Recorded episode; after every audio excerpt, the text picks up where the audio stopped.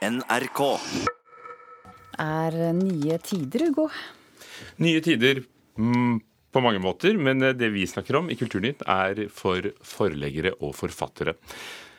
Norske forfattere er lei av at forlagene sitter på rettighetene til bøkene deres til evig tid.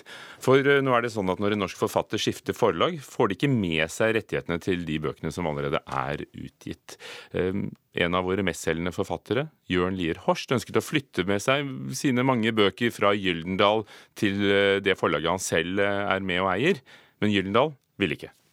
For forlaget så handler jo dette her først og fremst om eh, kroner og ører. For meg så er, det jo, er det jo et livsverk. Jeg finner jo det både ja, urimelig. Sier Jørn Lier Horst. Han har gitt ut over 30 bøker på Gyldendal forlag. Nå driver han sitt eget, det heter Kapitana. Han ønsket å ta med seg bøkene sine over dit, og kom med det han kaller et sjenerøst tilbud til Gyldendal. Og Derfor har jeg også lagt noen eh, millioner i den potten for å få de rettighetene tilbake. For sjøl å kunne utgi bøkene på eget forlag. Men det, det har blitt eh, avvist eh, av ja, prinsipielle årsaker med henvisning til, til kontrakten. For forfatterne har en kontrakt med forlaget sitt. Kari Marstein, sjefredaktør for norsk skjønnlitteratur i Gyldendal, forsvarer kontrakten, selv om den har vært uforandret i mange år. Gammeldags i den forstand at den er både solidarisk og uh, god for alle parter. Uh, den er nok en av de mest detaljerte og mest ivaretakende for forfatterskapene i verden. Og så er det også sånn at de forfatterne som faktisk tjener penger uh, for forlaget, de pengene Eh, brukes også til å dyrke frem nye talenter, som er et sånt viktig grunnprinsipp i hele forlagsbransjen. Forfatteren og forholdet til forlaget handler om noe langt mer enn kroner og øre, mener Marstein. Både forlag og forfattere eh, satser når vi tar inn en ny forfatter i et forlag. Vi satser arbeidskraft, vi satser penger, vi satser i det hele tatt ressurser for å bygge opp et forfatterskap. Hvis alt går bra, så begynner dette forfatterskapet å tjene penger for oss. Og det kommer det til å gjøre i år fremover. Hvis forfatteren på det punktet velger å ta med seg forfatterskapet videre, eh, så må vedkommende gjerne gjøre det, men vår økonomi og hele vår satsing er avhengig av at vi kan fortsette å tjene penger på den backlisten, og nå blei det mye bråk. Bråket hun sikter til er ikke mellom henne og forfatter Jørn Lier Horst, men i omgivelsene da hun ble intervjuet. Litt støy ble det også i forfatterkretser, da flere forfattere gikk sammen og dannet det nye Forfatterforbundet tidligere i år. 350 medlemmer har det fått, og leder Jan Ove Ekeberg mener at normalkontrakten mellom forlag og forfatter ikke er tilpasset den tiden vi lever i. Vi ser jo nå at det dannes nye forlag, vi ser at forfattere flytter på seg. Det er stadig nye plattformer å publisere skjønnlitteratur på. Lydboka er f.eks. i sterk vekst. Så da er det viktig at forfattere som bytter forlag, som flytter på seg, også kan ta med seg tidligere utgivelser. I dag er det faktisk sånn at eh, hvis et forlag ønsker det, så kan de sitte på rettigheter til tidligere utgivelser inntil eh, tittelen er kommersielt helt død i prinsippet. NRK har også snakket med Den norske forfatterforening, som sier at de på generelt grunnlag støtter at forfatterne skal ha råderett over egne bøker. Forfatter Jørn Lier Horst sier det slik. Man burde kunne få til en mer ja, form for glidende overgang da, mellom eh, forlag og forfatter. Eh, sånn at ikke dette her er noe som er skrevet i stein for evig tid. Jørn Lier Horst til reporter Tone Staude. Det som er skrevet ikke stein, men da mellom to permer kulturkommentator i NRK, Agnes Moxnes, har jo da vært denne kontrakten mellom forfattere og forleggere. Blir den utfordret nå, den, både den juridiske kontrakten og den, den vanlige uformelle kontrakten? Altså, jeg syns det er en utrolig interessant reportasje, dette her. fordi at eh, det vi ser, for det første, er at vi ser en ny forfatterforening. altså Kommet i løpet av vinteren 2018, så har Forfatterforbundet kommet. Eh, de er unge, de er ypperlige de er allerede 350 medlemmer. Den tradisjonelle forfatterforeningen har litt over 600 medlemmer. Og de viser altså styrke fra første øyeblikk og stiller spørsmål ved vedtatte sannheter. Også denne da bunnsolide normalkontrakten. Men så for jeg kan legge til én ting til som jeg syns er interessant med dette her, er jo at det innvarsler på sett og vis en ny tid i bokbransjen. Fordi bokbransjen er en ganske konservativ bransje. De store forlagshusene de har basert hele fundamentet sitt på papirboka, og at de sitter med nettopp disse rettighetene til en haug med forfatterskap og titler. Det er på en måte deres gullbeholdning. Og jeg har hørt at nyutgivelser av gamle titler, altså nå, disse storselgerne som Jo Nesbø og Jørn Lier Hoist, da, når gamle bøker blir gitt ut av dem, som pocketbøker osv., så, videre, så skal det stå for omtrent eh, halvparten av inntektene fra det forfatterskapet. Så vi snakker om hundrevis av millioner kroner her. Hvis dette innevarsler en ny tid. Hvordan ser du for deg denne nye tiden? Ja, altså Det er jo bare å se seg rundt. Musikkbransjen, eh, der er jo nå musikkomsetningen nesten totalt digitalisert. Det samme gjelder film og TV-serier. Eh, veien til eh, berømmelse går gjerne gjennom egenpublisering på YouTube og smarte blogger. Og denne muligheten her, den ser jo selvfølgelig flere og flere forfattere for seg også. Og det betyr jo da eh, at det er et helt annet utgangspunkt nå for å inngå nye avtaler som en ny normalkontrakt enn bare for noen få år siden.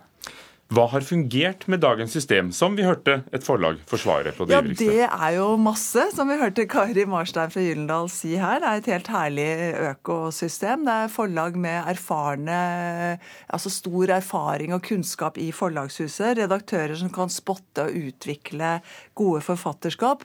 Og det oppstår jo ofte et veldig nært forhold mellom redaktører og, og forfattere.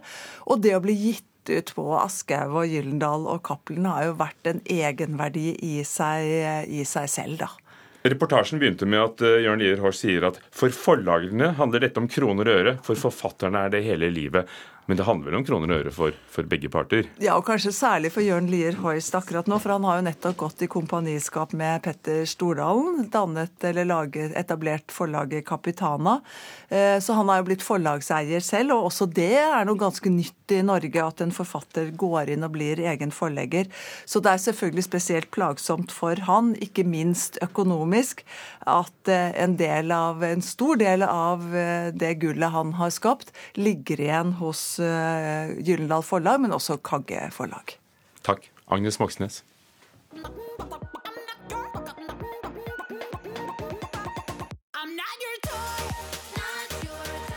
Netta, som vant Eurovisjonens melodikonkurranse, den internasjonale finalen i Melodi Grand Prix for drøye to uker siden. Og fortsatt er det internasjonal uro og usikkerhet om hvor finalen skal avholdes.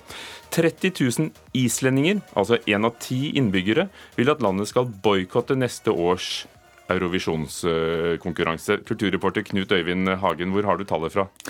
Få dager etter at Israel vant den internasjonale finalen, og artisten som vant, Netta, sa fra scenen 'See you in Jerusalem', så ble det tatt initiativ til en underskriftskampanje på Island.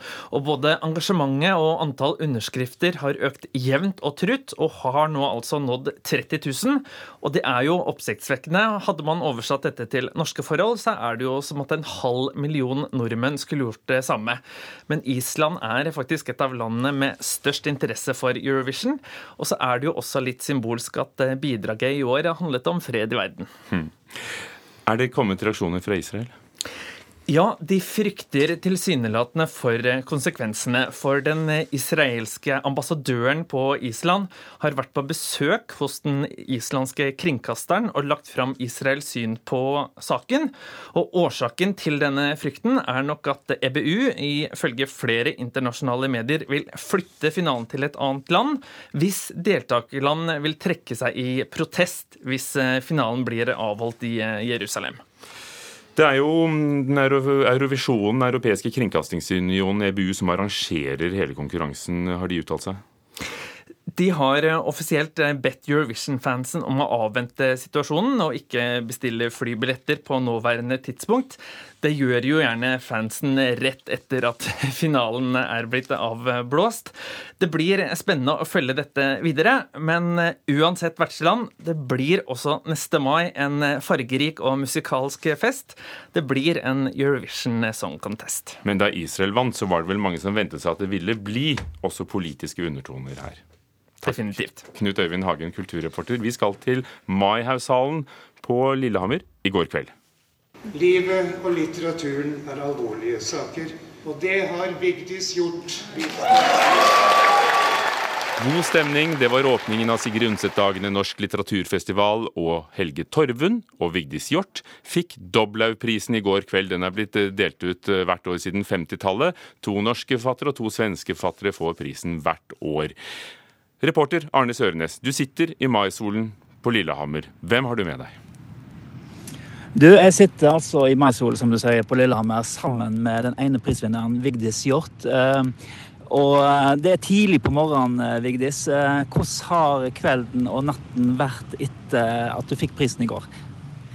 Nei, det har vært veldig, veldig hyggelig. Jeg har sittet sammen med forlaget mitt, som står last og brast. Min gode redaktør gjennom alle år, Eva Grøner, er, er, har halsbetennelse og er syk. Så hun savnet jeg. Men ellers er jo Fredrik og Tone fra forlaget her. Og så har jeg masse forfattervenner, så vi har hatt en veldig hyggelig dag. Men du vet, jeg har opplevd så mye på Lillehammer før. vet du. Jeg går tidlig hjem. Jeg har kommet til den alle og går tidlig hjem. Men min datter derimot, som var med meg, hun har jeg ikke sett på hotellrommet. Så hun er ute og svinger seg på Lillehammer. Ja, for det er jo fantastisk på Lillehammer akkurat nå. Eh, og du, eh, det å, det å ta imot denne prisen eh, for et samla forfatterskap, hvordan, hvordan, føles det, Vigdis? Du, vet hva. Jeg blir så Jeg blir så stolt og glad. Og jeg syns jo den begrunnelsen var Jeg var veldig, veldig glad for den. Den var også veldig, veldig godt skrevet, syns jeg. Eh, det svingte av den, syns jeg, om jeg kan si det i all beskjedenhet. Nei, det betyr veldig, veldig mye. Og som forfattere så jobber vi jo veldig Vi sitter jo veldig, veldig mye alene. Og jeg tror nok kanskje det er liksom man ikke helt forstår i hvilken grad det å, å bli satt pris på, da, i litt mer i det offentlige rom. Men nå, nå er jeg Jeg syns jeg har fått Jeg er kjempeheldig, så, så jeg skal ikke klage, men på vegne av forfatterstanden så har jeg lyst til å si at eh, den type påskjønnelser er veldig velkomment. Mm. Den siste eh, romanen din, 'Arv og miljø', har jo eh, for første mottatt Du har fått priser for den, Bokhandlerprisen bl.a. Du har fått gode kritikker, men du har òg fått mye oppmerksomhet, mye støy.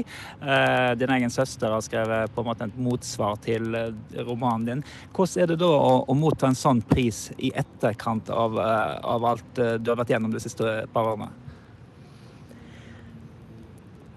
Nei, ja nå er jeg jo så dreven i dette faget, da. Jeg har jobbet og skrevet i, i veldig, veldig, veldig, veldig mange år. Og jeg lurer på Av og til så tror jeg kanskje at fordi vi lever i en kultur nå som er veldig annerledes enn da jeg debuterte, uh, hvor du har, du har Facebook og du har blogger og sånn, hvor enormt mange mennesker velter kanskje det de har opplevd den samme dagen eller sånt, utover seg, slik at det ting kan virke veldig sånn derre umiddelbart og impulsivt.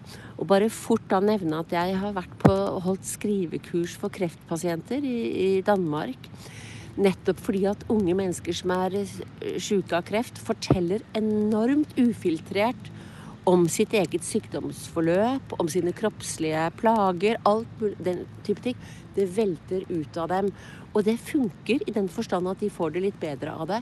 Men det er ofte historier som blir sittende igjen. Så hvis de blir helt friske, de skal, og de skal på date eller de skal søke jobb, så sitter de menneskene de møter, og særlig da på en date, og har lest om alle disse kroppslige greiene. Og da blir jeg invitert for nettopp å tenke sånn Eller for å lære dem å tenke noe om struktur, noe med å holde tilbake. Og for å komme tilbake til det du sier, så er det slik at når jeg skriver en, bok eh, som arv og miljø, i, med en tematikk som jeg har vært innom i så mange bøker, nesten fra debuten, og gjør det på en annen måte, så betyr det, at, det, betyr det at jeg vet veldig godt hva jeg gjør. Uansett reaksjon, så vet jeg hva jeg gjør.